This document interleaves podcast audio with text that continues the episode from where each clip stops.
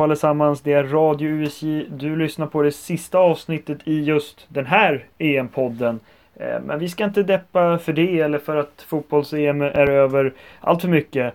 Eh, för vi ska ju prata om just fotbolls-EM och fått lite distans till det här nu. Vi ska gå igenom det bästa, kanske lite det sämsta från mästerskapet.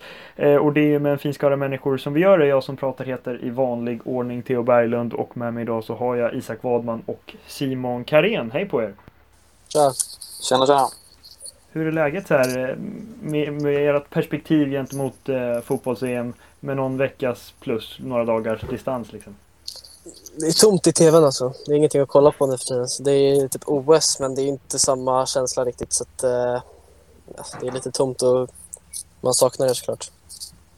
Ja, det känns samtidigt som man har, måste man har ett litet break från fotbollen nu för det har blivit jättemycket men det känns fortfarande som att det är något som saknats så det är lite lite eh, både och. Eh, det har varit mycket EM helt enkelt och eh, vi ska ju sammanfatta det på bästa möjliga sätt i det här avsnittet. Och jag tänker att vi kan börja med att ta något slags perspektiv som man hade inför turneringen och som man har haft under en lång tid. Just det här att EM har spelats över hela Europa. Det har ett väldigt unikt EM, det har vi vetat sedan typ tio år tillbaka. Sen det blev klart att EM skulle spelas i flera olika länder, i flera olika städer. Och sen blev det ju en pandemi på det här EM, sköts upp ett år. Det har ju varit ett väldigt speciellt Europamästerskap, inte bara ur ett sportsligt perspektiv utan hur hela arrangemanget har fungerat liksom. Om du Isak ska börja med, vad tänkte du först när eh, liksom, du tänkte på hur det skulle bli med ett EM utspritt över hela Europa innan ens pandemin blev en grej? Ja, det, det var väl inte liksom... Eh, eller det var väl lite konstigt för att man tänker alltid att det ska ju vara ett värdland och det känns ju liksom mer stabilt i allmänt bara logistiskt och liksom alla aspekter liksom. Men, men på andra sidan är det också ett lite kul koncept. Eh, det får vara lite, se lite olika arenor. Eh, det var ju många liksom eh, coola liksom, vad ska man säga, miljöer att spela i. Så, men ja, det finns ju två sidor av det där, men jag tycker att det kunde gjorts bättre. Ja, men på ett sätt en lite rolig idé. Det var ju efter den här finanskrisen också att det var inte någon som riktigt var villig att eh, eh, arrangera ett sånt stort mästerskap eh, ensam som nation kanske. Eh, men som sagt, det finns ju mycket att klaga på. Det blev ju även ur ett pandemiskt perspektiv inte jättebra för supportrarna. Eh, mycket resande i en klimatkris också. Det finns många liksom, frågetecken kring det hela. Eh, men om du ska prata lite då Simon om, eh, om pandemin då när det blev faktum att ja, men det kommer kanske inte vara fullsatt på alla arenor. Eh, ja, vad, vad säger du om EM ur det perspektivet? Ja, men det har ju gett lite fördelar till vissa lag. Liksom det är så här, såklart, liksom Budapest hade ju fullsatt. Liksom. Det är klart att Ungern spelade med lite mer motivation då. Det såg man ju också. De fick väldigt bra resultat, eller väldigt, alltså bättre resultat än vad man trodde på förhand i alla fall. Och eh, jag tror att det kan ha mycket med det att göra. Att så mycket supportrar som det har funnits på plats, desto bättre har lagen spelat, eller hemmalagen spelat. Och man såg även i semifinalerna var det fyra lag som hade väldigt mycket hemmaplan. Liksom. Och det kan, har ju haft en väldigt stor påverkan på de lagen tror jag absolut. Och, eh, alltså, till en början när jag, när jag såg själva nyheten om att det skulle vara mycket, eller att det skulle vara utspritt över hela Europa, liksom, då tänkte jag inte att det skulle påverka så mycket. Jag tänkte mest att ja, det kan ju vara kul liksom, att det kan vara lite ändring på det sättet, och lite förändring. Men jag vet inte, jag tycker nästan det blev lite oschysst mot de andra lagen som inte hade någon hemmaplan. Att det blev liksom ja, men att de andra lagen som hade hemmaplan, till, alltså England och Spanien och de där, fick liksom en fördel som var ja, lite väl stor tycker jag. Ja, men jag håller med. För att alla de semifinalister som du säger hade ju sina gruppspelsmatcher på hemmaplan. Det är väldigt mycket mindre resande om man jämför med Sverige reste liksom från Spanien till Ryssland till Sverige till Skottland. Liksom. Och eh, Uefa har ju varit inne på att nej, det här gör vi nog inte om på ett ganska bra tag igen. Eh, men ja, vad, vad, vad, säger du Isak? Hur blev det i efterhand då? Blev det ett lyckat mästerskap trots pandemin? Trots att det var utspritt över hela kontinenten ur, ur det perspektivet? Liksom? Ja, alltså. Vissa matcher blev lite avslagna, typ som i Baku. Liksom. Det var väl ingen vidare stämning där och svårt att ta sig dit och sånt. Och, ja, som Simon säger, det här med hemmafördel, det blir ju liksom klart mycket bättre, särskilt när det är så pass mycket publik. Så att, nej, det kunde genomförts bättre, men det var ju... Ja, men jag, nej, men jag tycker inte det, nej, men det kunde ju genomförts genomförts bättre helt enkelt. Ja, äh, men jag håller med dig där också. Det, det, var, det var ett svårt, eh, svårt mästerskap att genomföra, men det gick ändå. Man får vara glad att det, det, blev så, för det var inte en självklarhet för ett år sedan när pandemin bröt ut. Eh, men om vi fokuserar på det sportsliga då och eh, det finns en hel del att ta med sig ändå från det här Europamästerskapet. Jag har tagit fram eh, lite olika kategorier för vi kan inte prata om alla lag och alla matcher tyvärr. Även om vi hade kanske kunnat det men det skulle bli en alldeles för lång podd då. Men jag tänker ändå att vi kan börja hos de som faktiskt vann. Det var Italien som blev Europamästare och det kändes som på något sätt redan i första matchen där i premiären att ja, här har vi en vinnarkandidat verkligen. Eh, vad säger du Simon om, om hela Italiens resa liksom, genom det här EMet? Men det är som du säger, de har ju alltså, sen, sen första matchen mot Turkiet där de vann 3-0 så har de ju verkligen visat att de är här för att vinna och de kommer ge allt för att göra det och det gjorde de också och de fick sin lilla guldmedalj helt välförtjänt så. Eh, så att det är inget mer än att bara ta hatten av för Italien och de har visat att de eh, defensivt liksom offensivt har visat dem ett lag av yttersta världsklass. Och det kanske inte var den favoriten man hade inför turneringen och kanske några som hade det, men jag hade i alla fall inte det. Jag skulle tro att de skulle max kunna ta sig till semifinal kanske innan turneringen började, men ja, Mancini har gjort det där laget till en riktig, ja, vad ska man säga, det, en riktig superlag liksom. Alltså det är hur många matcher? Jag tror det är typ 35 matcher de har gått ut med att förlora en match nu och det är ju liksom helt otroligt bra fotbollsnation just nu. Eh, så vi får se hur det går sen i framtiden också när de har tappat Chiellini och Bonucci. Men eh, just nu så med de två i backlinjen så ja, det ser otroligt bra ut och det såg väldigt bra ut under hela EM också. Mm. Eh, om vi börjar i gruppspelet då Isak. Eh, det var inte världens svåraste grupp de fick kanske men de imponerade ju verkligen i i princip alla tre gruppspelsmatcher. Ja, och man, man ska ju liksom kunna slå alla för att vinna ett mästerskap och de gör det liksom otroligt bra. De är ju dominanta, det är inte som att de vinner med någon småsiffror. Alltså de, de dominerar varenda match och det, eh, det visar verkligen hur det kommer gå i, eller det är liksom en, det visar vägen hur det kommer gå i resten av turneringen och det är liksom ja, bara dominans. Ja, eh, men det ska sägas ändå att tre av fyra matcher de har i slutspelet sen då går till förlängning eller blir straffar.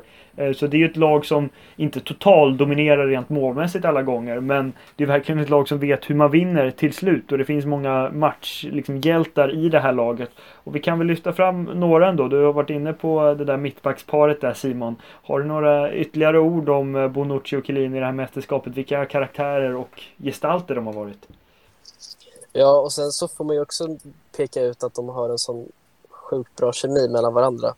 Eh, de har ju spelat med varandra i säkert 15 år tillsammans i både landslag och klubblag och det syns ju så himla tydligt att de vet exakt hur de båda tänker när andra har bollen. Och det är vilken som, vem av dem som ska gå in i tacklingen och vem av dem som ska backa bak och vem som ska gå upp och allt det där. Så det är så himla kul att kolla på att ett lag, eller ett, ett mittbackspar kan ha en sån bra kemi både på och utanför planen. Specifikt om man har sett den där bilden med att käka pasta där efter de har vunnit. Och, eh, håller på att ja, men, kasta lite skit på engelsmännen. Liksom. Eh, med all rätt kan man tycka också. Så att, eh, det är ju, nej, men de är ju, utifrån det så har de ju också världsklass i, i sitt fotbollsspel. Och det är två stycken mittbackar som kommer gå, ner i, eller gå in i italienska fotbollens Hall of Fame får man väl ändå säga.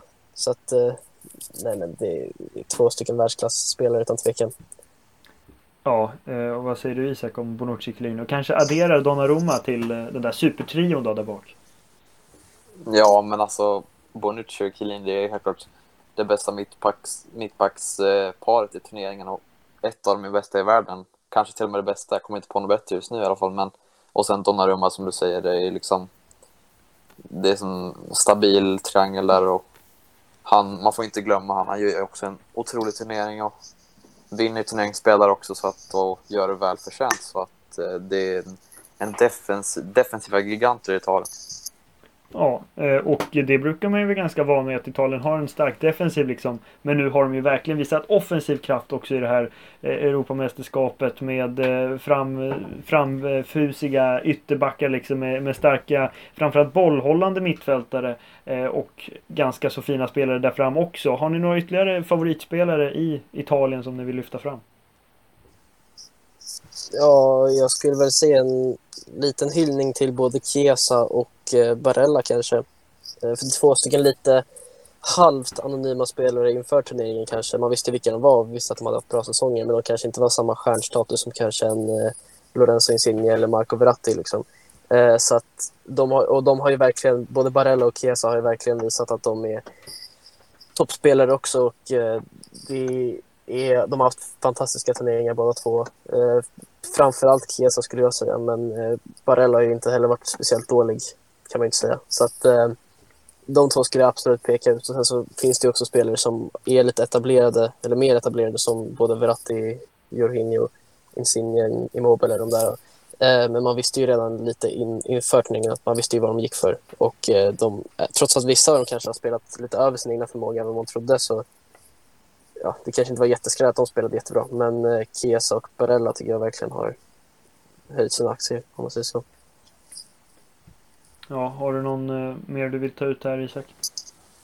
Nej, men jag tycker också som Simon att eh, Chiesa och Barella verkligen eh, blivit två riktiga stjärnor och framförallt tycker jag att Jorginho verkligen eh, utmärkt sig den här turneringen, att han är verkligen en eh, mittfältare i världsklass. Även fast han är från Chelsea då, så jag tycker jag ändå om liksom, hans spelstil och eh, liksom hans typ swagger liksom, typ så här, på straffarna. Nej, men han är bara en liksom en otrolig mittfältare och sen får man inte glömma Spinazzola heller. Han är ju liksom vilken turnering han gjorde och slutat.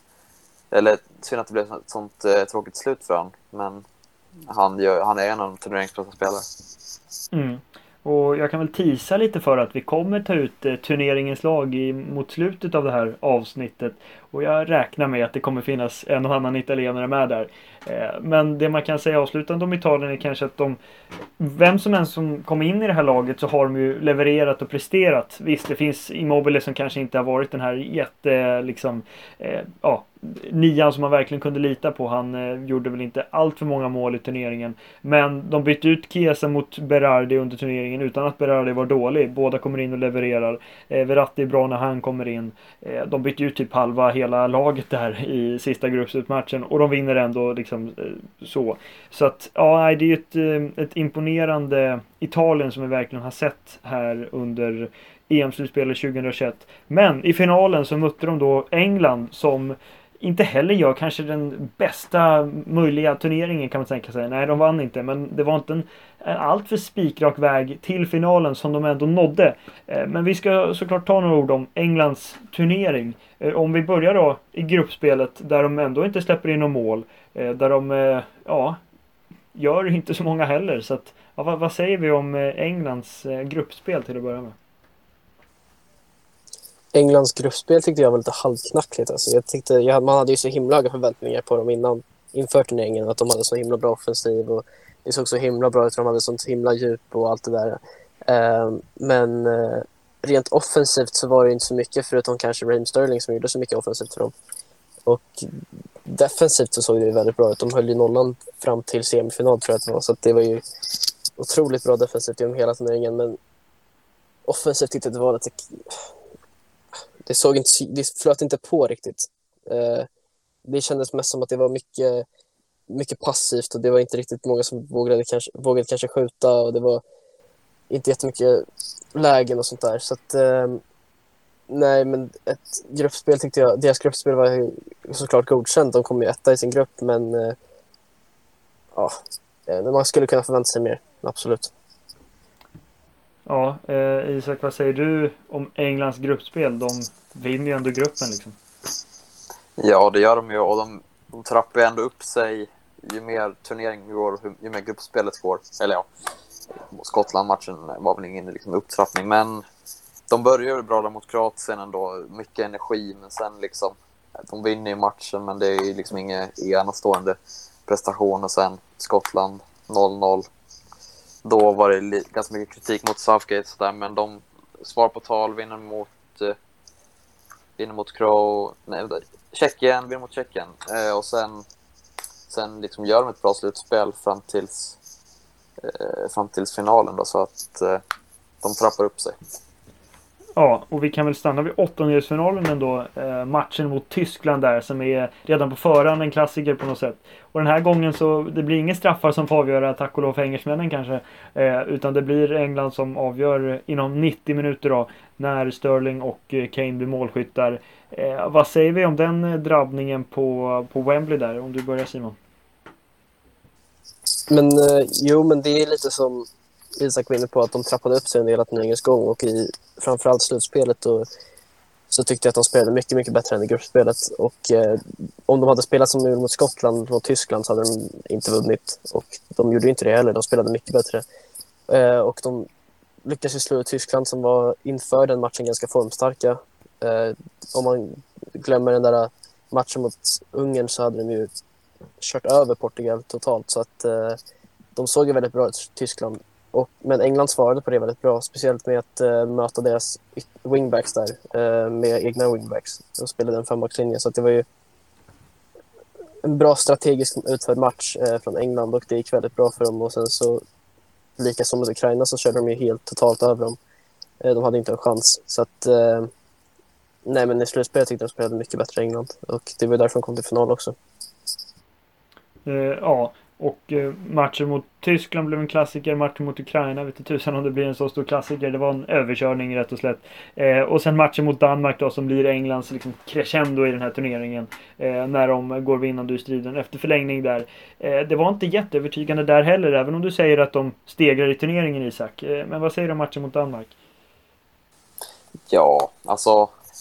Det blir tungt där i början när Damsgaard sätter frisparken men de visar ändå karaktär, kommer tillbaka. Och sen får man ju säga vad man vill om den där straffsituationen, men de, de kommer ändå och gör, gör bra ifrån sig den här matchen och kommer tillbaka och vinner. Så att eh, det är som du säger, det blir liksom crescendot på den här turneringen. Och, eh, men sen så gick det inte vägen, men det, det kanske är... Men, jag vet inte vad jag ska säga. Det, de, gör, de genomför matchen bra till slut helt enkelt. Ja, och de tar sig vidare på något sätt. Jag tycker ändå att man kan se något slags tema i Southgates coachning att även om det finns väldigt många bra eh, offensiva spelare så är det ju kanske defensiven som är i, i första fokus. Och de går till ja. VM-semifinal 2018. Det bästa resultatet sen guldet 66. De går till final här.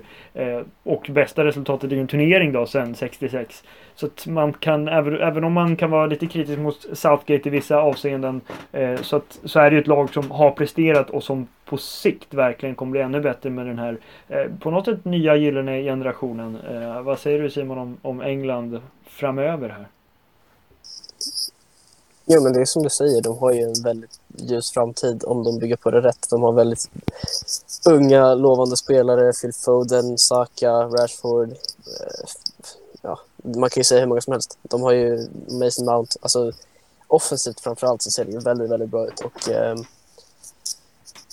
ja, alltså om de får ihop allting som vi har varit inne på många gånger under hela poddens gång. Om de får ihop allting med kemi, uppställning, taktik, allt det där så kan det ju se väldigt bra ut. Och de har ju en väldigt, just nu i alla fall har de ju en väldigt bra generation eh, och fram, framöver ser det också väldigt ljust ut. Så att eh, de kan nog vara lugna engelsmännen. Eh, att de kan kämpa för mästerskap framöver. Mm.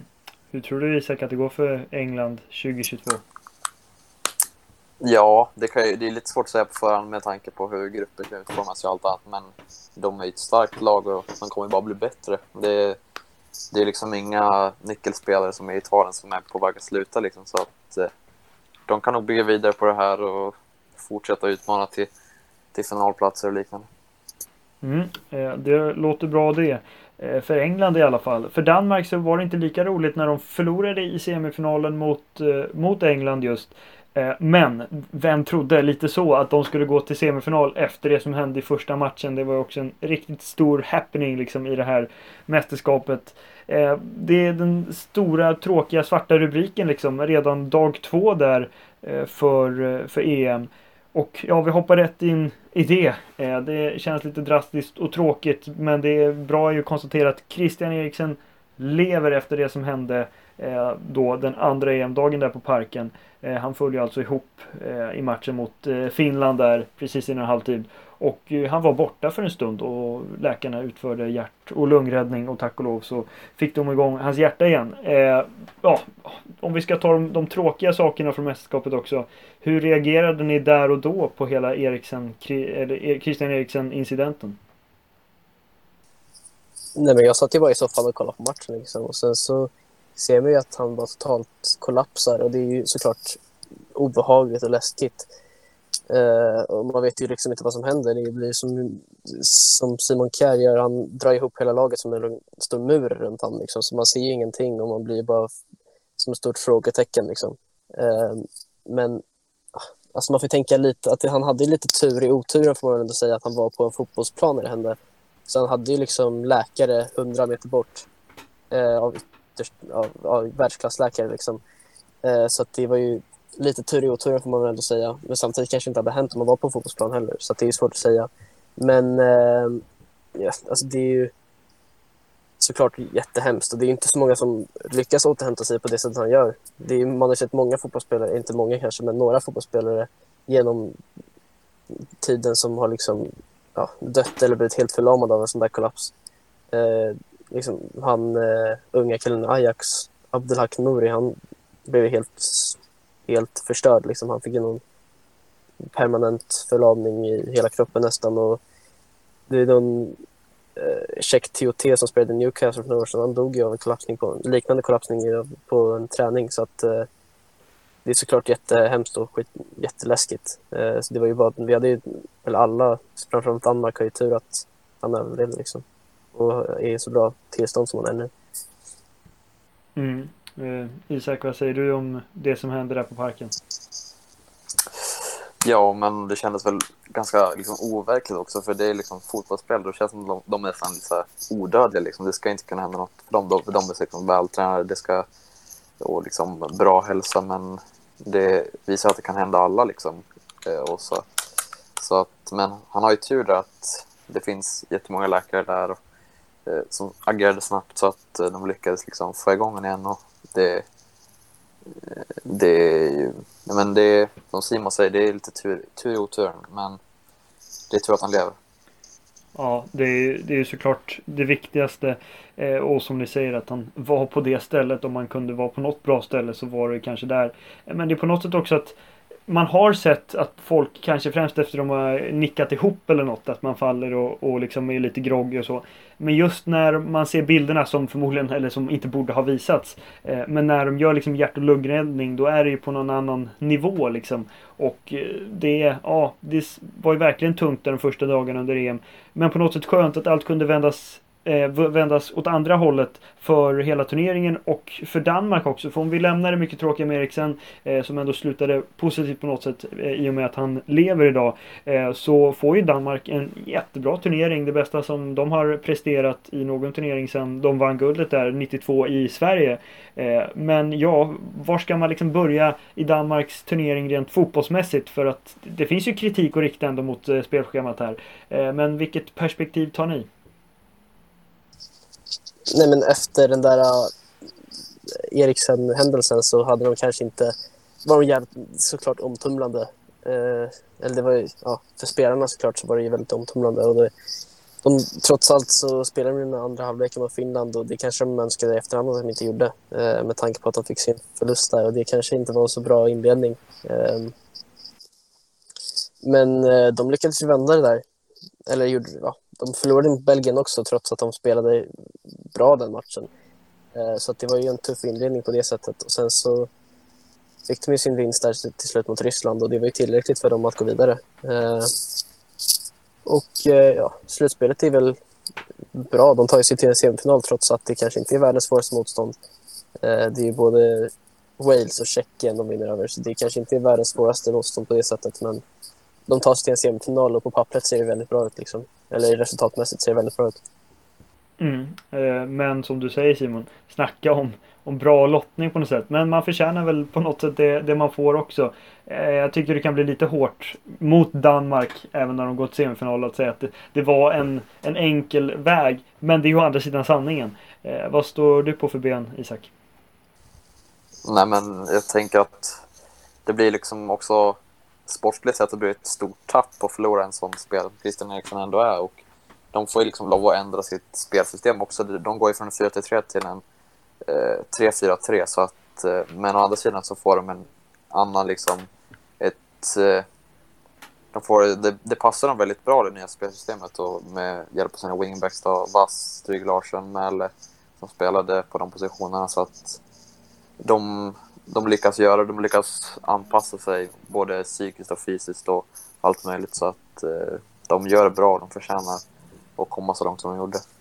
Mm. Och eh, tappet med Christian Eriksen var ju såklart tråkigt och dåligt på många sätt. Men det gav ju en chans för Micke Damsgaard framförallt att visa upp sig i den här turneringen. Och eh, vilket stjärnskott han blev. Vad säger du Simon?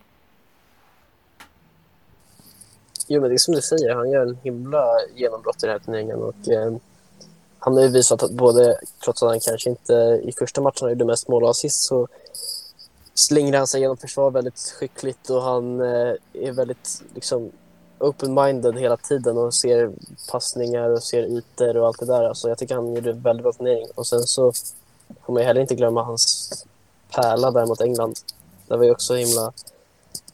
Ah, det var ju så här, liksom drömfrispark kan man ju säga. Liksom. Det är, hon, han eh, fick ju England också att bryta sin första nolla. Så att, eh, ja, han, jag tror inte han stannar till Sampdoria efter sommaren om man säger så.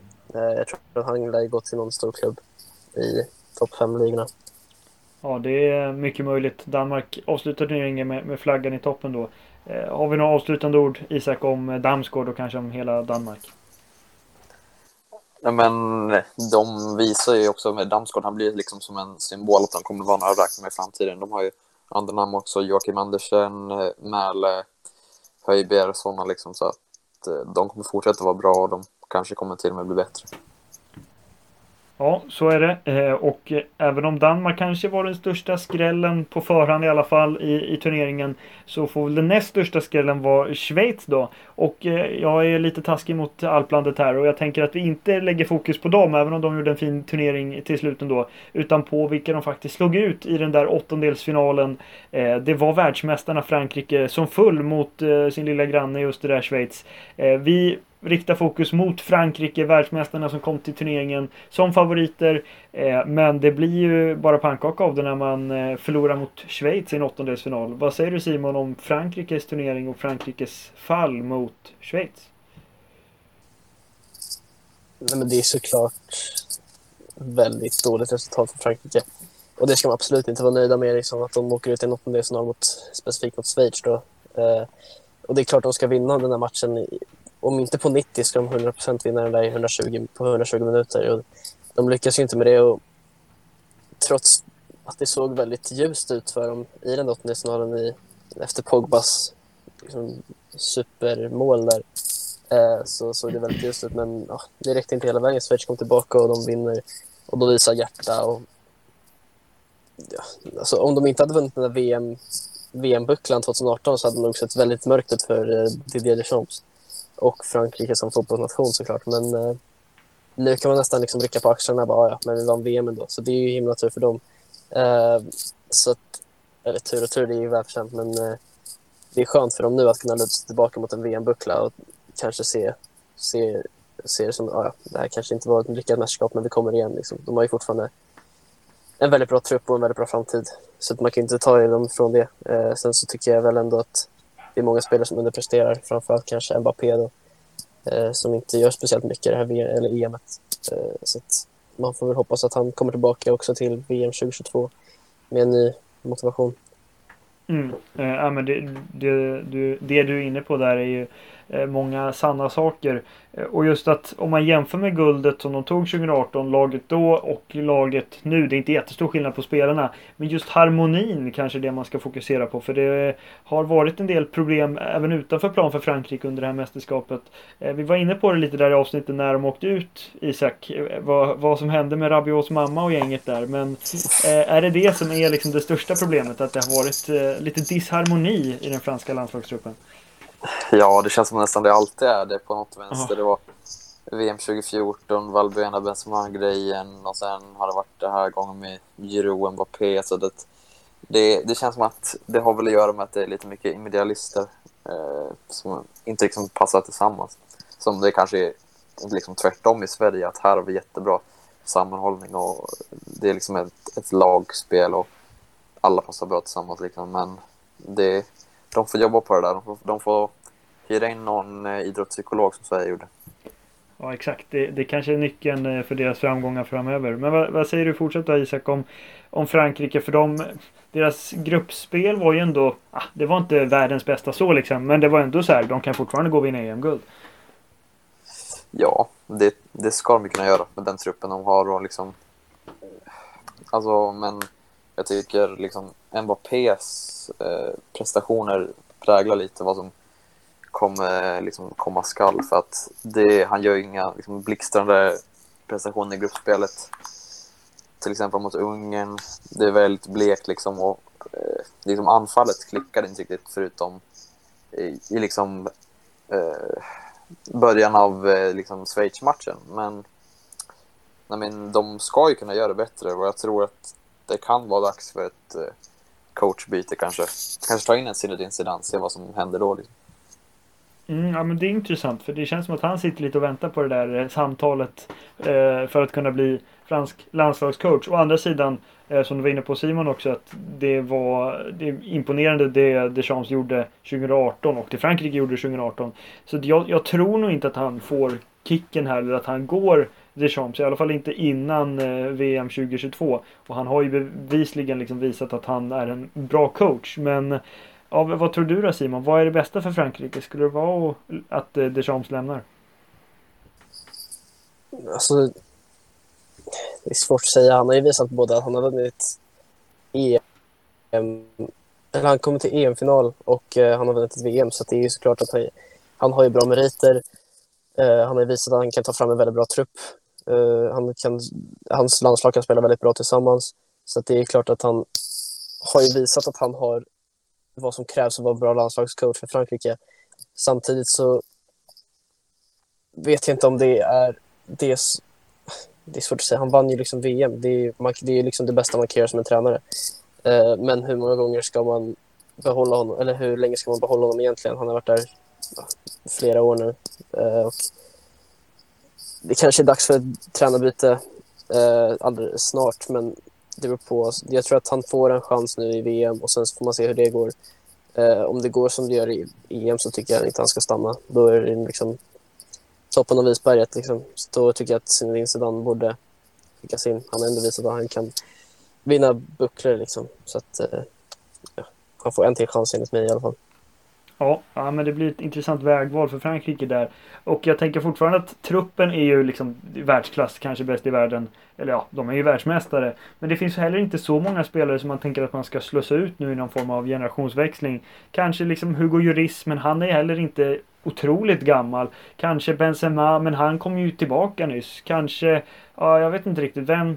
Om du tänker på truppen, är det någon spelare som ni vill ha ut? Eller är det någon slags generationsväxling? Är det inte det här Frankrike som vi har nu som är riktigt bra bara och att de inte lyckades i den här turneringen. Vad säger ni? Jo, jag håller med. Alltså, det är svårt att byta ut någon där. Eh, det kanske är så enstaka bänkspelare och sånt där, men det är ju inte sådana jättestora skillnader. Det är ju i så fall om någon skulle komma och göra ett stort genombrott eh, alltså nästa säsong liksom, och förtjäna en plats på det sättet.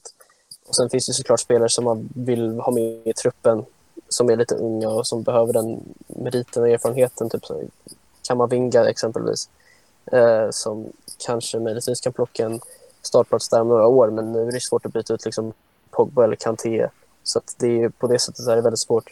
Eh, möjligtvis kanske Grisman, men han har ju liksom visat att han presterar väldigt bra i landslaget, trots att han kanske inte presterar som en världsklassnivå i klubblag. Eh, så att det är svårt att säga, nu jag tror att man behöver den här säsongen för att kolla vilka som spelar bra, vilka som spelar dåligt, sen ta ut sin VM-trupp efter det. Ja, eh, ja, vad säger du Isak? Kamawinga på sikt kanske? Istället för Rabiot kanske? Ja, jag tycker det känns som ett lite sundare val. Jag tycker det känns som Kamavinga är väldigt... Eh, bara jag, får, jag får en feeling att han är väldigt liksom down to earth och liksom ödmjuk och så, men Eh, jag vet inte. Men jag vill gärna se Theo Hernandez på en vänsterback för han gjorde en otrolig säsong i Milan. Jag tycker verkligen han förtjänar att vara med i truppen och jag tycker han ska få starta liksom, eller få visa sig. Och... Men sen, som du säger, Loris, han måste ju ändå vara på väg ut snart. Och ja, det lär väl bli typ Mike Mainan då, som nyss blev värvad till Milan då, som tog eh, ligatiteln i Frankrike med Lille då, men ja, jag vet inte. Det är Tjernades jag vill se i alla fall främst. Ja, det är mycket möjligt. De har inte dålig liksom, påfyllnad, eh, fransmännen om man säger så. Det finns en del spelare att välja av. Eh, men vi ska inte bli alltför långrandiga kring eh, fransmännen utan vi stannar vid ett annat lag som åkte ut i åttondelsfinal också, nämligen Sverige. Och ja, vilken turnering det blev på något sätt. Vi vinner gruppen. Vi åker ut mot Ukraina i åttondelsfinal. Samma här. Vad tycker man om Sveriges turnering? Om du ska börja då Isak. Vart vill du börja? Kör! Ja, jag, jag vet inte. Jag vill väl ändå börja med att det är ett väldigt bra genomfört gruppspel och det är liksom eh, många på förhand trodde liksom att det kanske liksom, eller från, eh, från utlandet trodde att det skulle bli en tredje plats kanske och liksom försöka ta sig vidare där men Sverige visar än en gång att man ska vara ett lag att räkna med och vinna gruppen på sju poäng och det är ett väldigt bra gruppspel. Eh, att samla in sju poäng mot så, så pass bra lag som det ändå var. Och, men sen kom vi slutspelet där och som jag sagt innan så är det Danielssons röda kort som liksom sätter prägel på vad som händer i 120 minuter när Dovbyk kommer och nickar in den där eh, inlägget från Zygankov. Då. Men ja, det är ett, jag tycker att det är ett eh, det är liksom unfair resultat för Sverige. Jag tycker det, det, kunde gått mycket längre. Ja, det, det är ju känslan när man åker ut mot, mot Ukraina liksom i 120 minuten eller vad det var exakt där. Eh, men om du ska ta några ord Simon om, om gruppspelet ändå. Eh, det, finns, det var en del ris och ros mot Sverige då, men vi vinner trots allt gruppen. Vad, vad tycker du om gruppspelet? Det är ja, alltså man vinner gruppen, det är ett perfekt gruppspel. Eh, om man kollar på det resultatmässigt. Sen så spelmässigt så är det ju lågt, det är defensivt, det kanske inte är världens mest offensiva firepower på det sättet. Eh, Isak Forsberg gör väldigt bra ifrån sig offensivt. Berg inte kanske världens bästa spelare, men eh, defensivt återigen väldigt bra. Lindelöf Danielsson tycker jag håller tätt. Eh, Olsen helt fantastisk. Eh, lustig, kanske inte heller liksom världens bästa, världens bästa ytterback, men han är bra i luftrummet. Eh, Augustinsson tycker jag är ganska anonym, men han gör ju rätt ifrån sig under de flesta situationer i alla fall. Eh, så att jag tycker det är bra, väldigt bra genomfört gruppspel om man kollar resultatmässigt. Men eh, det är såklart att det är ju lätt att säga så nu i efterhand att det är bra gruppspel och så, men det, är liksom, det spelar liksom ingen roll när man åker ut mot Ukraina på det här sättet som vi gör. Och, ursäkta språket, men den där jävla Dovbyk liksom. Alltså var kommer han ifrån egentligen? Alltså jag har aldrig hört namnet på killen. Eh, så att det är så här, Han är ju... Eller det är ju så himla, det blir så himla meningslöst att man kommer ett i en grupp och åker ut mot Ukraina på det sättet. Så att det är, så här, det är svårt att säga att någonting är positivt överhuvudtaget efterhand. Liksom. Ja, man känner liksom bara jaha, Dovbyk. Som du säger, vem är det? Alla, nu vet alla vem det är i Sverige i alla fall. Eh, men eh, ja, Isak. Ska vi ta några sista ord om, om eh, matchen mot Ukraina kanske och hur det här uttåget blev för att sedan blicka framåt för Sveriges del? Ja, den där matchen alltså. Det började väldigt tungt med Sinchenkos 1-0 mål, men sen kom Sverige, visar ändå karaktär och de gör 1-1 och sen de ska ju göra 2-1 av flera chanser som kommer av Forsberg gånger två och sen Isak och även läge i första halvleken när det stod 1-0 också, så att det var ju mycket målchanser för Sverige och liksom äh, det, marginalerna var inte med Sverige i den här matchen och ibland är det så, och som Simon säger, det blir liksom en gruppspel spelar ingen roll när man ändå åker ur i åttondelsfinal på ett sånt här sätt. Så att, ja, jag vet inte. Den här matchen är bara ganska grå för mig just nu. Ja, jag, jag instämmer. Och det känns på något sätt att det, hade, skulle inte ha varit Ukraina som mötte England där i Rom. Då kanske engelsmännen inte hade fått, fått sin final på Wembley liksom. Vem vet, det är lätt att vara, vara efterklok på något sätt. Men eh, får du se det ur ett lite annat perspektiv då, vara lite mer positiva, så tycker jag vi kan blicka fram för Sveriges del eh, mot eh, ja, men VM 2022 även framåt. För att Eng eller Frankrike snarare sagt, Eh, har ju inte riktigt det här generationsväxlingen på gång. Men Sverige har ändå en hel del spelare som nu har tackat för sig. Det finns en del intressanta unga spelare som man vill få in i laget. Eh, Sveriges, ja men vissa liksom, brister blottas lite eh, mot Spanien till exempel. När man har väldigt svårt att ha eget spel eh, och samtidigt eh, en defensiv som ja, men ändå är bra. Men det finns en del det finns en del frågetecken men även möjligheter här för Sverige i framtiden. Om vi börjar Eh, ja, men om vi ska bygga någon slags startelva kanske i, i VM 22. Eh, det blir ju Olsen i mål förmodligen. Får vi hoppas att han eh, spelar i någon klubb eh, regelbundet också. Men backlinjen. Eh, Lindelöf, blir han ny kapten? Vad säger ni? Jag vill nog att han ska bli kapten. Det känns som att han redan spelar som en kapten. Liksom. Och han, eh, det känns som att han är både en liksom, muntlig och eller muntlig ledare samtidigt som han är en ledare på plan också.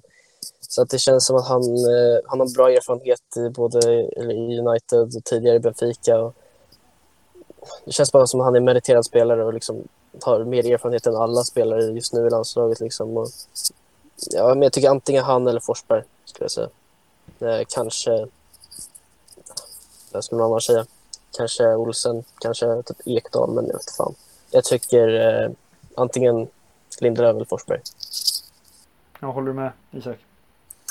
Jo, men jag tycker att Lindelöf, han borde vara liksom ändå det självklara valet. Han, han är så pass rutinerad nu och han är så pass bra och liksom, som Simon säger, han spelar som en kapten och en ledare. Så att, ja, men jag tycker Lindelöf, han, han äh, verkar stabil där. Ja, och han är fortfarande relativt ung. Vad är han? 27 i år. Så det är ett kaptens... 26, 27. Ja, exakt. Ja, men det är ett kaptensämne liksom över en lång tid framöver. Eh, så det, ja men jag, jag håller nog med dig där. Men frågan är vem som ska spela bredvid Lindelöf framöver i det svenska landslaget. Har ni några alternativ? Jag vill ju se Pontus Jansson tror jag. Han kommer ju spela nu i Premier League. Eh, han kommer kanske få starta. Eh, så han kommer få mycket erfarenhet på det sättet. Spela mot världens, eller ja, några av världens bästa anfall. Så att han kommer få mycket erfarenhet på det sättet. Jag tror han kommer kunna, definitivt kunna spela i ett landslag då. Eh, då får man ju två stycken bra erfarna Premier League-mittbackar. Och det låter ju inte helt fel på pappret om man säger så i förhand. Så att, eh, Pontus Jansson för mig är nog.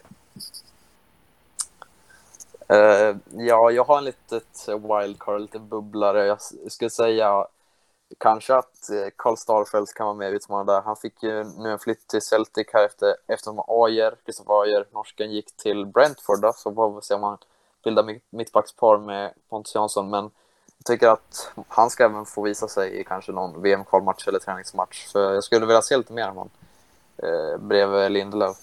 Ja, det är intressant. Det kanske blir så att Ajer att han petar Jansson så att han inte ja. får liksom möjligheter att bli eh, ordinarie landslaget. Och så kommer Star Karl Starfelt och tar den platsen. Vem vet? Eh, på ytterbackarna, så, i alla fall på högerbacken, så har vi en liten rotation där också förmodligen. Lustig eh, lämnar landslaget. Blir det Emil Kraft som tar över? Vad säger ni? På förhand känns det som det naturliga valet, skulle jag säga. Det känns ju nästan som att det är den enda högerbacken vi har som är på den, den liksom klassen som Lustig var på. Eh, sen så är ju han lite läskig att spela framförallt. Han känns som att han antingen, om han spelar 90 minuter känns det antingen som att han kommer orsaka straff eller få ett kort. Liksom. Han är lite slarvig på det sättet, men eh, alltså, offensivt tycker jag han är rätt mycket bättre än Lustig och defensivt är han nog lite mer osäker. Men just nu på förhand känns det som att han är solklar. Eh, sen får man ju se om någon ung liten kille kommer upp i, och klättrar upp i rankerna, men just nu så är det nog Emil Kraft rätt solklart skulle jag säga. Ja, du håller med Isak? Ja, det, känns som, jag kommer inte på någon på rak arm som skulle kunna gå in för han just nu. Han är ju ändå, han ska ändå vara där och det kommer ju bli han tror jag. Det måste bli tror jag. Ja, och på vänsterbacken så blir det ju förmodligen Ludvig Augustinsson ändå som fortsätter. Får se vad han hittar på rent klubblagsmässigt i sin karriär. Har ni några rykten på honom? Han är väl, är han fortfarande i Bremen? Just nu Ja. tror jag det. Så att, Ja, det är han. Ja, och eh, de Men jag har inte hört så mycket om honom. Ja, Ja. nej. Så att, ja, vi får se där. Eh, men han lär väl ändå vara ordinarie landslaget. Eh, mittfältet då? Det blir också ganska intressant. Vi har väl förmodligen Forsberg till höger. Han gjorde ju ett väldigt bra mästerskap här. Det var ingen snack om saken. Innermittfältet, det är också en, eh, liksom en intressant fråga här. Eh, vad väljer ni för spelare där? Ja, alltså det, allting handlar... Jag tycker Ekdal gjorde väldigt bra mästerskap faktiskt. Jag tyckte han var rätt duktig i, i de flesta matcherna. Och, men sen så är det såklart med hans rygg och hans skador hela tiden fram och tillbaka så är det ju svårt att säga om han, kan, om han kommer spela. Uh, så att det är lite 50-50 där, men jag tycker att en frisk Ekdal tackar man inte nej till. I alla fall på bänken i alla fall. Um, så han ska ju med i truppen tycker jag. Men sen så tycker jag att Kristoffer Olsson, nu när han har fått sin flytt till Anderlecht, det kan vara kul. Han kanske kan utvecklas där på något sätt. Uh, jag tror han kommer kunna spela bättre där än vad han gjort i Krasnodar. Ehm, det känns som det är lite mer Kristoffer Olsson-klubb på det sättet. Så jag tror att han kommer kunna spela bättre där. Han kommer nog få starta framöver. Han är fortfarande ganska ung, vad är han? 24-25 kanske. Ehm, men eh, jag tycker det är rätt intressant nu med Jens Lyska just som har fått sina Premier League-värvning, eller rykten och både till vad är för klubblag? Det är Leeds, Newcastle, Crystal Palace, någon mer tror jag att det var. Ehm, så det blir kul. Han kanske kan bilda en mittfäl- mittfältsduo med Calvin Phillips. Det skulle inte göra honom sämre tror jag. Eh, så att han eh, är enligt mig välkommen in i startelvan i alla fall i framtiden. Ja, eh, addera Svanberg där också. Vad säger du då Isak?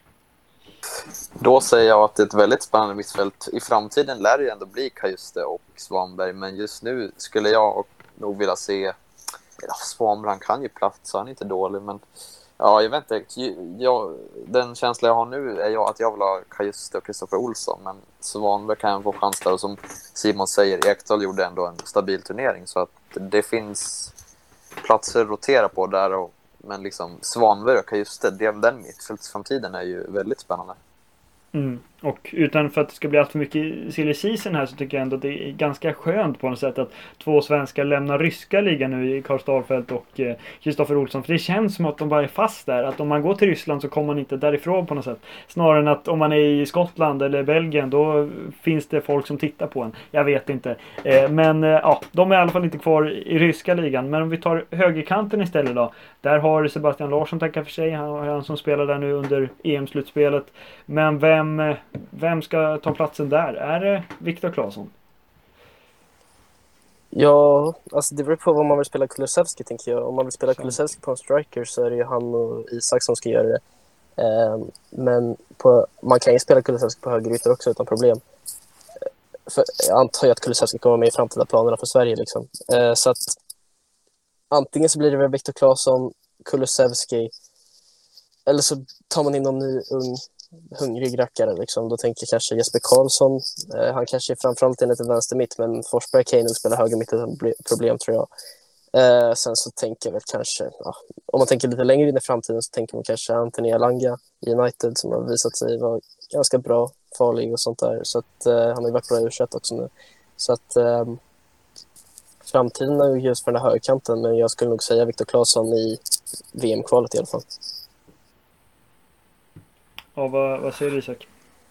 Uh, jag skulle nästan säga, jag tänkte också lite på Jesper Karlsson, men jag skulle hellre vilja se ifall uh, Dejan kan liksom komma in med på den positionen, att han kan fortsätta utveckla sin defensiv uh, ännu mer eh, än den den är. Liksom. Och, men jag vill gärna se Dejan där och se att han kan utvecklas på den positionen, för det är ändå hans mest naturliga position, får man väl ändå säga, även fast han gjorde det bra på uh, forwardplatsen där. Men, så jag säger Dejan.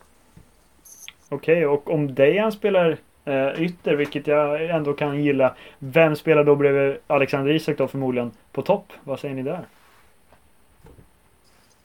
Uh, jo, men då får man slänga in silly igen då. Alltså, Robin Quaison var ju rätt het i EM-kvalet, men nu när han har dragit till Saudiarabien eller vad det är så känns ju inte han lika rolig längre kanske. Eh, det känns inte som att han kommer utvecklas jättemycket där. Och... Det är tråkigt för hans karriär såklart. Men eh, Isak är ju såklart given. Sen så tycker jag om Jordan Larsson. Eh, han var ju med nu i VM, VM eller nej, EM nu också så att eh, han har ju fått med sig lite erfarenhet på det sättet hur det är på att vara med på mästerskap. Och han har ju varit väldigt bra i Ryssland så att eh, testa honom tycker jag och sen får se vad han gör. Eh, men det finns såklart hungriga spelare bakom honom också. Eh, ja, eh, och ja, du nämner Quaison där, alltså förlåt men det är ju så tråkigt. Det är så tråkigt på så många sätt att han går dit. Eh, men ja, det känns som på något sätt att han inte är framtiden kanske för landslaget då. Men Jordan Larsson som du säger, får se om han kommer ut i Ryssland. Det känns som de har någon slags zon där de är fast. Eller bara mina fördomar på något sätt. Men du har ju Anthony Langa också som du nämnde tidigare. Han kan väl gå upp och spela striker. Det finns en del intressanta anfallsspelare för Sverige i framtiden också. Vad säger du Isak?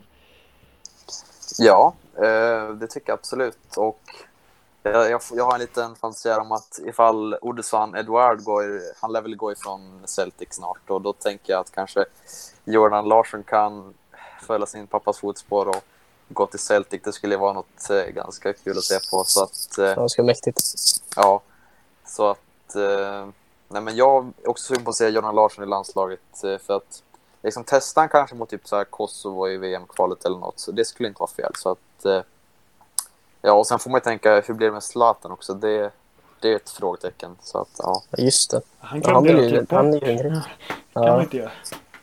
Nej, nej just det. Han kommer säkert få spela någonting i VM-kvalet om han vill. Om han, alltså, allting handlar om hans vilja. Om han vill spela så kommer han ju få göra det. Uh, I alla fall ett år till. Ja, att, uh, om han kan spela det, rent skademässigt ja, också. Ja, jag tänker liksom, är, de tar ju ut fyra anfallare oftast till en trupp. Jag tänker liksom Jordan Larsson, Zlatan, Isak. Vem blir den fjärde? Liksom? Det blir typ John Guidetti som gör comeback eller liksom... Ja, ja. Svår, eller Quaison kanske. Ja, det blir, kanske blir Quaison ändå. Ja, nej, det finns eh, många intressanta saker eh, genom det svenska landslaget och VM är inte allt för långt bort. Vi får hoppas att vi tar oss dit till att börja med. Eh, men eh, vi rör oss vidare då så vi inte blir allt för, långrandiga här i avsnittet. Jag tänker att vi kan, vi lämnar de här höjdpunkterna i turneringen för som sagt det finns många intressanta matcher men vi kan prata på ett tag som ni som lyssnar märker. Därför går vi över till våra tips som vi hade på förhand och där fanns det ju både bra tips och, och dåliga tips utifrån hur det blev. Vi publicerade på hemsidan mitt tips Anton, Anton Dahléns tips och eh, ditt tips Isak. Och Simon, du, du hade väl också lite idéer om hur det skulle sluta så du får ta dem lite mer här i, i live, eh, live-formatet på något sätt. Eh, men vi kan yes. väl börja med vilka vi trodde skulle gå till semifinal och final då. Och jag kan väl eh, börja med mitt då. Det var, det var Frankrike, det var Belgien, det var Portugal och det var England. Det var inte många rätt där inte. Du hade, jag tror du hade exakt samma lag Isak. Det hade jag. Ja. Så var det. Och det, det gick som det gick. England eh, tog sig dit i alla fall. Ja, men det var väl ändå väldigt öppet där för att ja, Belgien mötte Portugal och sen Frankrike skulle gått vidare på förhand, det tycker man ju. Men de, de lyckas ju inte där mot Schweiz som vi har nämnt. Så att, eh, nej, man förstår ju varför vi valde dem. Det är, liksom, man, kan inte, man kan nästan inte, inte välja dem. Liksom, så att, eh, men många rätt var det inte som du säger. Nej, nej det var det inte. Vad trodde du Simon där? Vad hade du för eh, lag till semifinal och final? Jag hade likt er alltså. Jag hade Portugal, Frankrike, eh, Belgien och sen istället för England hade jag Tyskland. Mm -hmm. eh, jag hade faktiskt England åkt ut i åttondel mot Portugal. För jag hade ju Portugal som vinnare av hela turneringen så det var svårt för mig att tippa bort dem redan så tidigt. Men eh, det var ju inte heller så många rätt, eh, likt er. Så att, eh, det var ju en totalt... Jag hade ju noll rätt, men jag fick i alla fall England. Så att, mm jag fick ju total platt fall där så att ja. Ja, nej, det, var, det var inte lätt. Shoutout till Anton ändå. Han satte Italien i semifinal, inte i final. Där trodde han Frankrike och Portugal som vi andra idioter liksom. Men eh, eh, ja, nej, det, vi får lämna de tipsen och eh, röra oss mot, eh, eh jag tänker flopplagen kanske. För där hade vi ändå lite rätt. Om vi börjar med ditt då Isak. Du trodde Nederländerna Ja, eh, åttondelsfinal. Ja, de hade kunnat gått bättre. Det får man väl ändå ja. Eh, säga att jag lyckades med ändå. Tycker jag i alla fall. Men, eh, så där får jag ändå vara ganska nöjd. Ja, du skrev här att man får inte glömma bort att Virgil van Dijk är borta. Och ja, De Ligt får ut kort. Van Dijk Ja. eh, inte där. Du, ja, du var rätt på den då. Ja, men, ja, men jag är nöjd efter alla andra tipsfel jag hade i de tidigare omgångarna under gruppspelet. Så ja, Ja, det var skickligt gjort. Och eh, om vi hyllade Anton lite då så får vi ta ner honom på jorden här igen. För han sa Spanien, max till åttondelsfinal. Det gick ju som det gick. Vad säger ni om det? Ja, men de, eh, på förhand kan jag också hålla med. Man trodde inte de skulle vara så himla vassa, men eh, de lyckades på något sätt liksom kriga sig förbi alla och tog sig ändå till en välförtjänt och rätt bra semifinalplacering för dem. Ja, vad sa du Simon? Vilka trodde du skulle floppa? Eh, jag hade som flopplag, eh, ska vi se här. Jag hade faktiskt mot, ja, det är ganska pinsamt nu, men jag hade faktiskt Italien eh, som flopplag. Så det var ju Skickligt. så långt ifrån man kan komma egentligen. Så det, jag kanske inte skulle, det var tur att jag inte lagt in pengar på det i alla fall, om man säger så. Nej, nej, du har inte imponerat hittills kan vi tyvärr inte säga. Nej, nej. Och jag själv hade Kroatien och det var väl hyfsat ändå. Eh, jag skrev att de kunde åka redan i gruppen. Det gjorde de dock inte.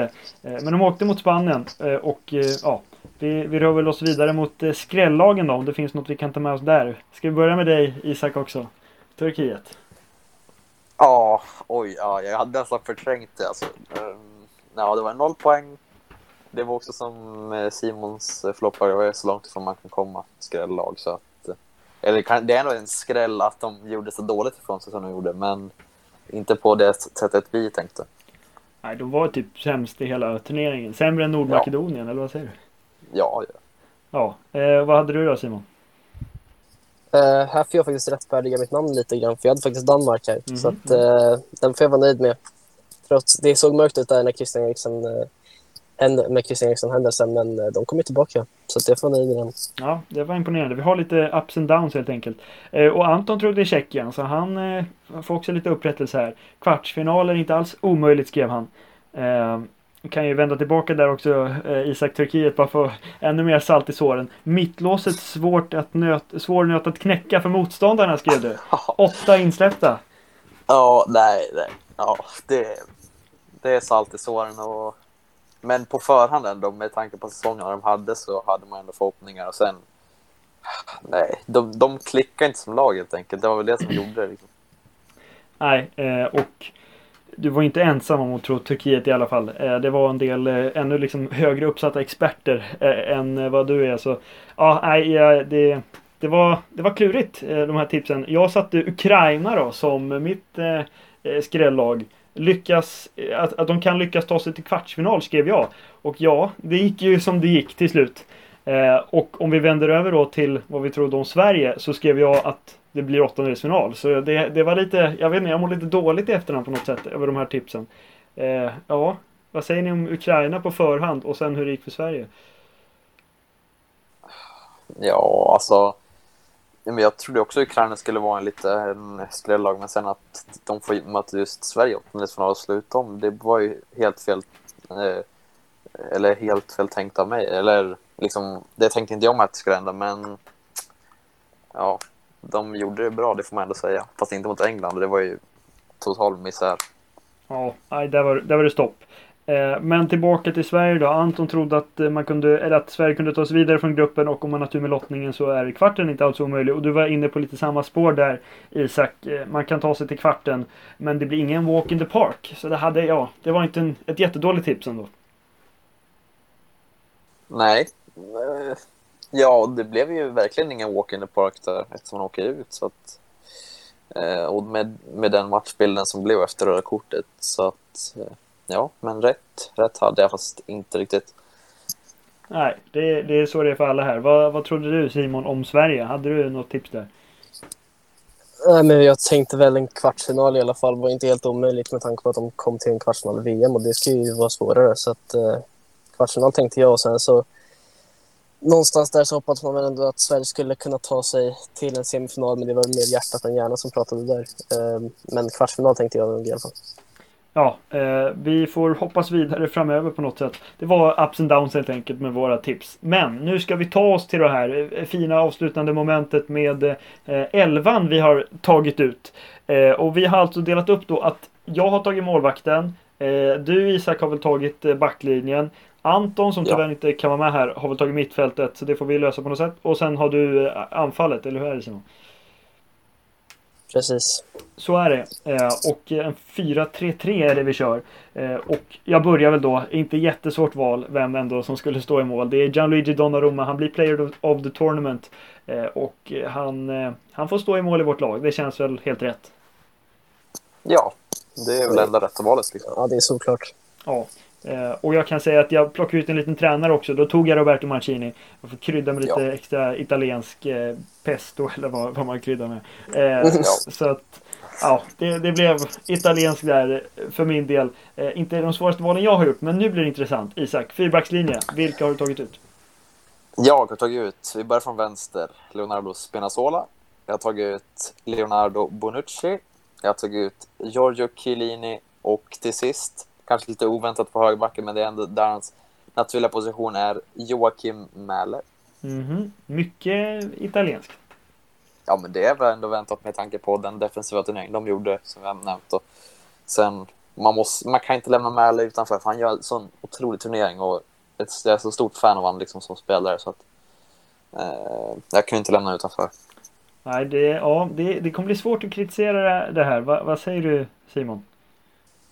Nej, det är svårt. Det är kanske man, man kanske vill säga någon engelsman eller någonting för att de höll så många nollor, men vem i så fall? Kanske John Stones för han spelar varje match, men samtidigt ska man ta ut Bonucci eller Chiellini. Det är svårt liksom. Så att, eh, kanske Luxon för att Spinazzola missade någon match, men det, jag klagar inte på de valen direkt. Nej, det är sant. Spinazola, Spinazzola ändå, som du säger, missar eh, Eh, de två viktigaste matcherna. Men ändå med i elvan. Men det, ja, jag har tagit ut några namn här. Allt för att liksom bara skjuta ner era val. Eh, men eh, som du säger, någon engelsman kanske. Jag menar Aspilicueta var bra med, eller har du med Dumfries från Nederländerna, även om de var lite flopplag. Han var bra. Gåsens från Tyskland, även om de var lite flopplag. Men ja, nej, det, det har, på ytterbackspositionen i alla fall så har du ganska så, så bra val. Sen Chiellini Bonucci, men Maguire, vad säger du om honom? Ja, men i mitt första liksom, eh, vad ska man säga, draft av det här så hade jag Maguire och Chiellini. Så att, eh, men sen efter den där, efter finalen liksom, Chiellini kvitterar, han gör en bra match liksom.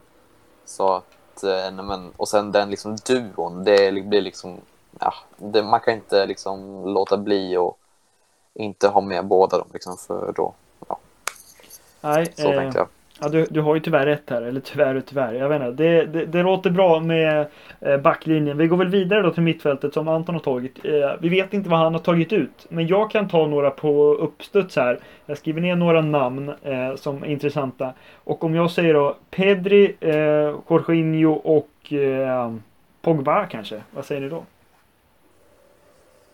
Jo, det låter bra. Pedri och Jorginho håller jag absolut med om. Eh, Pogba, väldigt bra när han spelade, men han spelade fyra matcher, så att det är svårt. Eh, rent spontant kanske jag istället för Pogba skulle jag väl kanske byta ut honom mot eh, Calvin Phillips kanske. Tycker han gjorde en väldigt bra turnering. Eh, möjligtvis Verratti eller någon- Barella kanske. Men eh, ja, jag klagar inte på Pogba heller. Nej, eh, det, ja, det finns en del namn. Jag tycker ändå de eh, skulle vara ett ganska så fint eh, tremannamittfält. Håller du med Isak? Mm, jo, men Jorginho Pedri håller jag med om. Och sen det där, den tredje platsen är ju upp för diskussion liksom. Jag tror Anton skulle säkert vilja ha Locatelli, Mhm. men det, det, ja, det kan man helt klart föra fram tankar om. Och sen, Pogba gjorde ett bra mästerskap. Du har De Bruyne där. Jag vet inte om man får vara så fräck att sätta in Damsgaard där. Han spelar ändå som någon slags nummer 10. Jag vet inte. Men, men Pogba är ett stabilt val. Eller ja, det är Eh, ja, eh, de hade väl Höjbjerg i eh, liksom Team of the Tournament, Uefa. Ja. Eh, vad tycker ni om Jag det? tror, han, vann- jag tror han slog mest assist och var rätt stabil defensivt. Det var nog därför. Men eh, han är ju absolut, man kan argumentera för honom, absolut. Men jag personligen skulle nog inte slänga in honom faktiskt. Nej, eh, inte jag heller uppenbarligen. Eh, men vi rör oss till anfallet då. Nu ska du få avsluta det här på bästa sätt Simon. Vilka tre spjutspetsar har du valt? Eh, då ska vi se här. Jag har valt Frederico Chiesa. Eh, jag har valt Raheem Sterling och sen på topp så har jag Patrick Schick. Mm. Eh, och eh, ja, om jag ska göra en liten motivering då så tycker jag väl att Chiesa, han fick in de två första matcherna på bänken. Eh, sen fick han ju starta där när de bytte ut hela laget i tredje gruppspelet. Eh, sen fick han in på bänken mot Österrike också. Men trots det så jag tycker jag ändå Chiesa varit Italiens mest målfarliga spelare och har skapat oerhört mycket över hela turneringen. Och eh, om han hade startat varenda match så tror jag att han hade nog kunnat bli turneringens spelare. Liksom. Eh, Raheem Sterling varit Englands, i min mening, bästa spelare. Eh, varit farlig hela tiden, gått på löpningar, använt sin snabbhet på rätt sätt, teknik på rätt sätt. Gjort tre mål, en assist. Eh, danskarna kanske inte gillar honom jättemycket efter hans lilla ja, filmning eller vad man ska kalla det, men han vann ändå en straff som gjorde att de kom till en final. Och Patrik Schick är väl ändå, får man väl ändå lov att säga att han är årets breakthrough star. Liksom. Eh, gjort fem mål på fem matcher. Eh, bidrog, bidrog starkt till att Tjeckien kom till en kvartsfinal. Eh, och man kan inte kräva lite, man kan inte kräva mer från varken honom eller Tjeckien tycker jag. Leverkusen får väl kämpa, eller jag vet inte om han är permanent i Leverkusen eller om han är på lån från Roma, men oavsett vad så får ju den klubben kämpa för att behålla honom i sommar. Um, ja, han har ju, jag har sett att han har kopplats mycket till Milan och sånt där, så att, uh, ja, han var en enorm karaktär och uh, han är min nummer nio i detta lag i alla fall. Ja, men du har ju rätt, men ändå. Eh, Lukaku med i turneringens lag, han är inte med. Ronaldo vinner skytteligan, han är inte med. Damsgaard var vi inne på, han är inte med. Forsberg, typ Sveriges bästa spelare, han är inte med. Eh, Insigne är inte med, ganska bra också. Eh, det är mer att man får kill your darlings här kanske än att eh, jag tycker att du har fel. Eh, men ja, vad säger du om de här namnen Simon? Men ja, det är klart att man var sugen på Forsberg och slänga honom, men det var ju liksom en åttondelsfinal är svårt att slänga in honom på, trots att han var helt fantastisk matchen han spelade. Så om han hade haft en bra kvartsfinal och då hade han haft ett väldigt, väldigt bra väldigt bra chans att komma in i det här laget. Eh, Lukaku känner jag lite halvt. Jag vet inte hur, han kanske inte var jättebra i slutspelet direkt. Jag tyckte snarare han var bra i gruppspelet och det var ju många så det är svårt att plocka ut han tycker jag. Och sen så Ronaldo, fem mål, tre straffar så det är så här. Mm, Patrik Schick tycker jag utifrån förväntningar tycker jag att han är rätt solklar framför båda de två. Och sen så Chiesa, men jag kände att man behövde minst en italienare och han har ju enligt mig varit deras bästa spelare framåt. Så att, eh, ja, och Sterling tycker jag var helt klockren i det laget, det var den första jag tog ut. Mm. Har du någon kommentar Isak? Nej men jag håller ju med. Eh, alltså att de där, de ska ju vara där för, som Simon säger, med chic, de förväntningar som låg på honom. Det var inga höga förväntningar och Eh, Eh, jag, tycker, jag fattar inte varför Lukaku är med i Uefa. Liksom, så bra var han ändå inte, verkligen inte i slutspelet. Och han gjorde, visst, han gjorde några mål i gruppspelet, men han var liksom inte enastående. Förutom den där matchen mot Ryssland då, kanske. Men, men jag håller med Simons val. De är ju ändå rätt så solklara. Så får vi ge en honorable, honorable mention till Emil Forsberg idag, ändå. För han gjorde en otrolig turnering. Ja, han sitter som första avbytare på bänken kanske. Eh, så att, nej men det är bra val av er. Vi kan väl ta elvan då. Det är Donnarumma i mål. Eh, en fyrbackslinje från vänster med Spinazzola, Bonucci, Chiellini med eh, eh Mälus har du. Och sen på mittfältet då Pedri, Jorginho, Pogba får vi väl ta då. Och sen där fram eh, Sterling, eh, Schick längst fram då och eh, Chiesa på ena kanten där och Sterling på ena kanten. Ja. Eh, och Mancini som tränare. Det är inte ett så dåligt fotbollslag det är inte. Nej, det är ett VM-guld. Det skulle jag kunna sträcka mig så långt att säga. Ja, det är VM-guld 2022 kanske, om det hade varit möjligt. Absolut. Ja, men vi ska börja avrunda här. Eh, men på tal om eh, VM 2022 eh, och också på tal om lite konstiga värdländer och världsstäder och upplägg. VM i vintern, VM i Qatar. Ja, det blir bara värre och värre, eller vad säger du Isak? Ja, men jag tror aldrig jag varit så här o... Eller vad ska man säga? Jag är inte liksom... Eh, eller jag... Otaggad. ja, otaggad, exakt. Jag har aldrig varit så här otaggad för ett mästerskap, typ någon sport någonsin. För att liksom vintern, så här, november, december. VM ska vara på sommar, liksom. Det ska vara... eh, good vibes och inte liksom mörkt klockan tre på dagen. Så att eh, det... Nej, det, jag, jag ser inte fram emot det här, men Qatar, då får prove me, prove me wrong. Ja, och det är ju typ så här rent eh, mänskliga rättigheter-mässigt sämsta landet i hela världen också. Så det är så här, jaha. Eh, men vi får, eh, ja, vi får väl hoppas att det blir bra på något sätt ändå. Då. Ska vi köra ett litet långskott? Vilka tror vi vinner VM 2022? Om du börjar Simon. På uppstuds här. De regerande världsmästarna brukar ju underprestera i VM därefter, så jag tror inte Frankrike. Um, jag säger kanske ingen aning. Alltså, jag säger eh, England. Ja, vad säger du Isak? Jag var också inne på det, för jag tänkte nu liksom vilka nyckelspelare som kommer sluta liksom, i de olika lagen. Italien tappar eh, Bonucci Chiellini, typ, eller i alla fall Chiellini. Han har ju redan tackat för sig eh, i landslaget. Och sen Belgien tänkte jag, de tappar ju Alderweireld och de liksom... Hur kom, och sen som Simon säger, Frankrike kommer säkert underprestera för det är liksom tradition numera att världsmästare gör det. Och, och då tänker jag liksom England, som jag sa tidigare, de har ju inga riktigt nyckelspelare som slutar just nu så att just nu så ser jag ändå dem som liksom eh, inte, eller ja, favoriter eller får vi väl säga.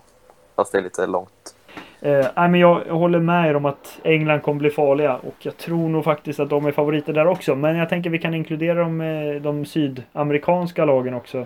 Eh, med eh, Brasilien som eh, är ett bra lag med Argentina. Eh, som ja, vann Copa America nu. Eh, jag vet inte, Messi har ju förlängt kontraktet i Barcelona så varför kan han inte vara bra i VM också?